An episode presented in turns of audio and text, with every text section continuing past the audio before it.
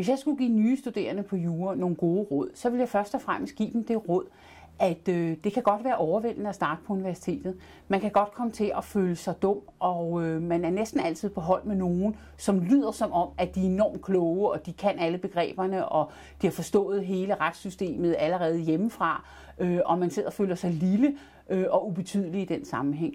Men det er ikke rigtigt. Man skal give det en chance. Øh, der er selvfølgelig nogen, som, som kan meget mere end alle andre, men de fleste er ligesom en selv.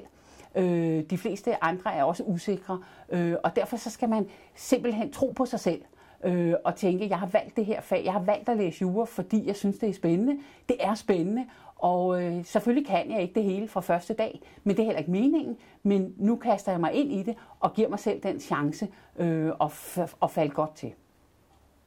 Et andet godt råd, man kunne give nye studerende med på vejen, øh, det er at prøve at tænke lidt over, hvad er egentlig forskellen mellem at være elev, for eksempel, hvis man kommer fra gymnasiet, men gymnasieelev, og så være universitetsstuderende. Hvad er forskellen på at være elev og studerende? For mig har det noget at gøre med engagement og selvstændighed i, i det, som man, man kaster sig over. Og i det ligger der for mig også et spørgsmål om, at man måske ikke fokuserer så meget på karaktererne. Man har måske været vant til at få høje karakterer, og pludselig får man ikke høje karakterer.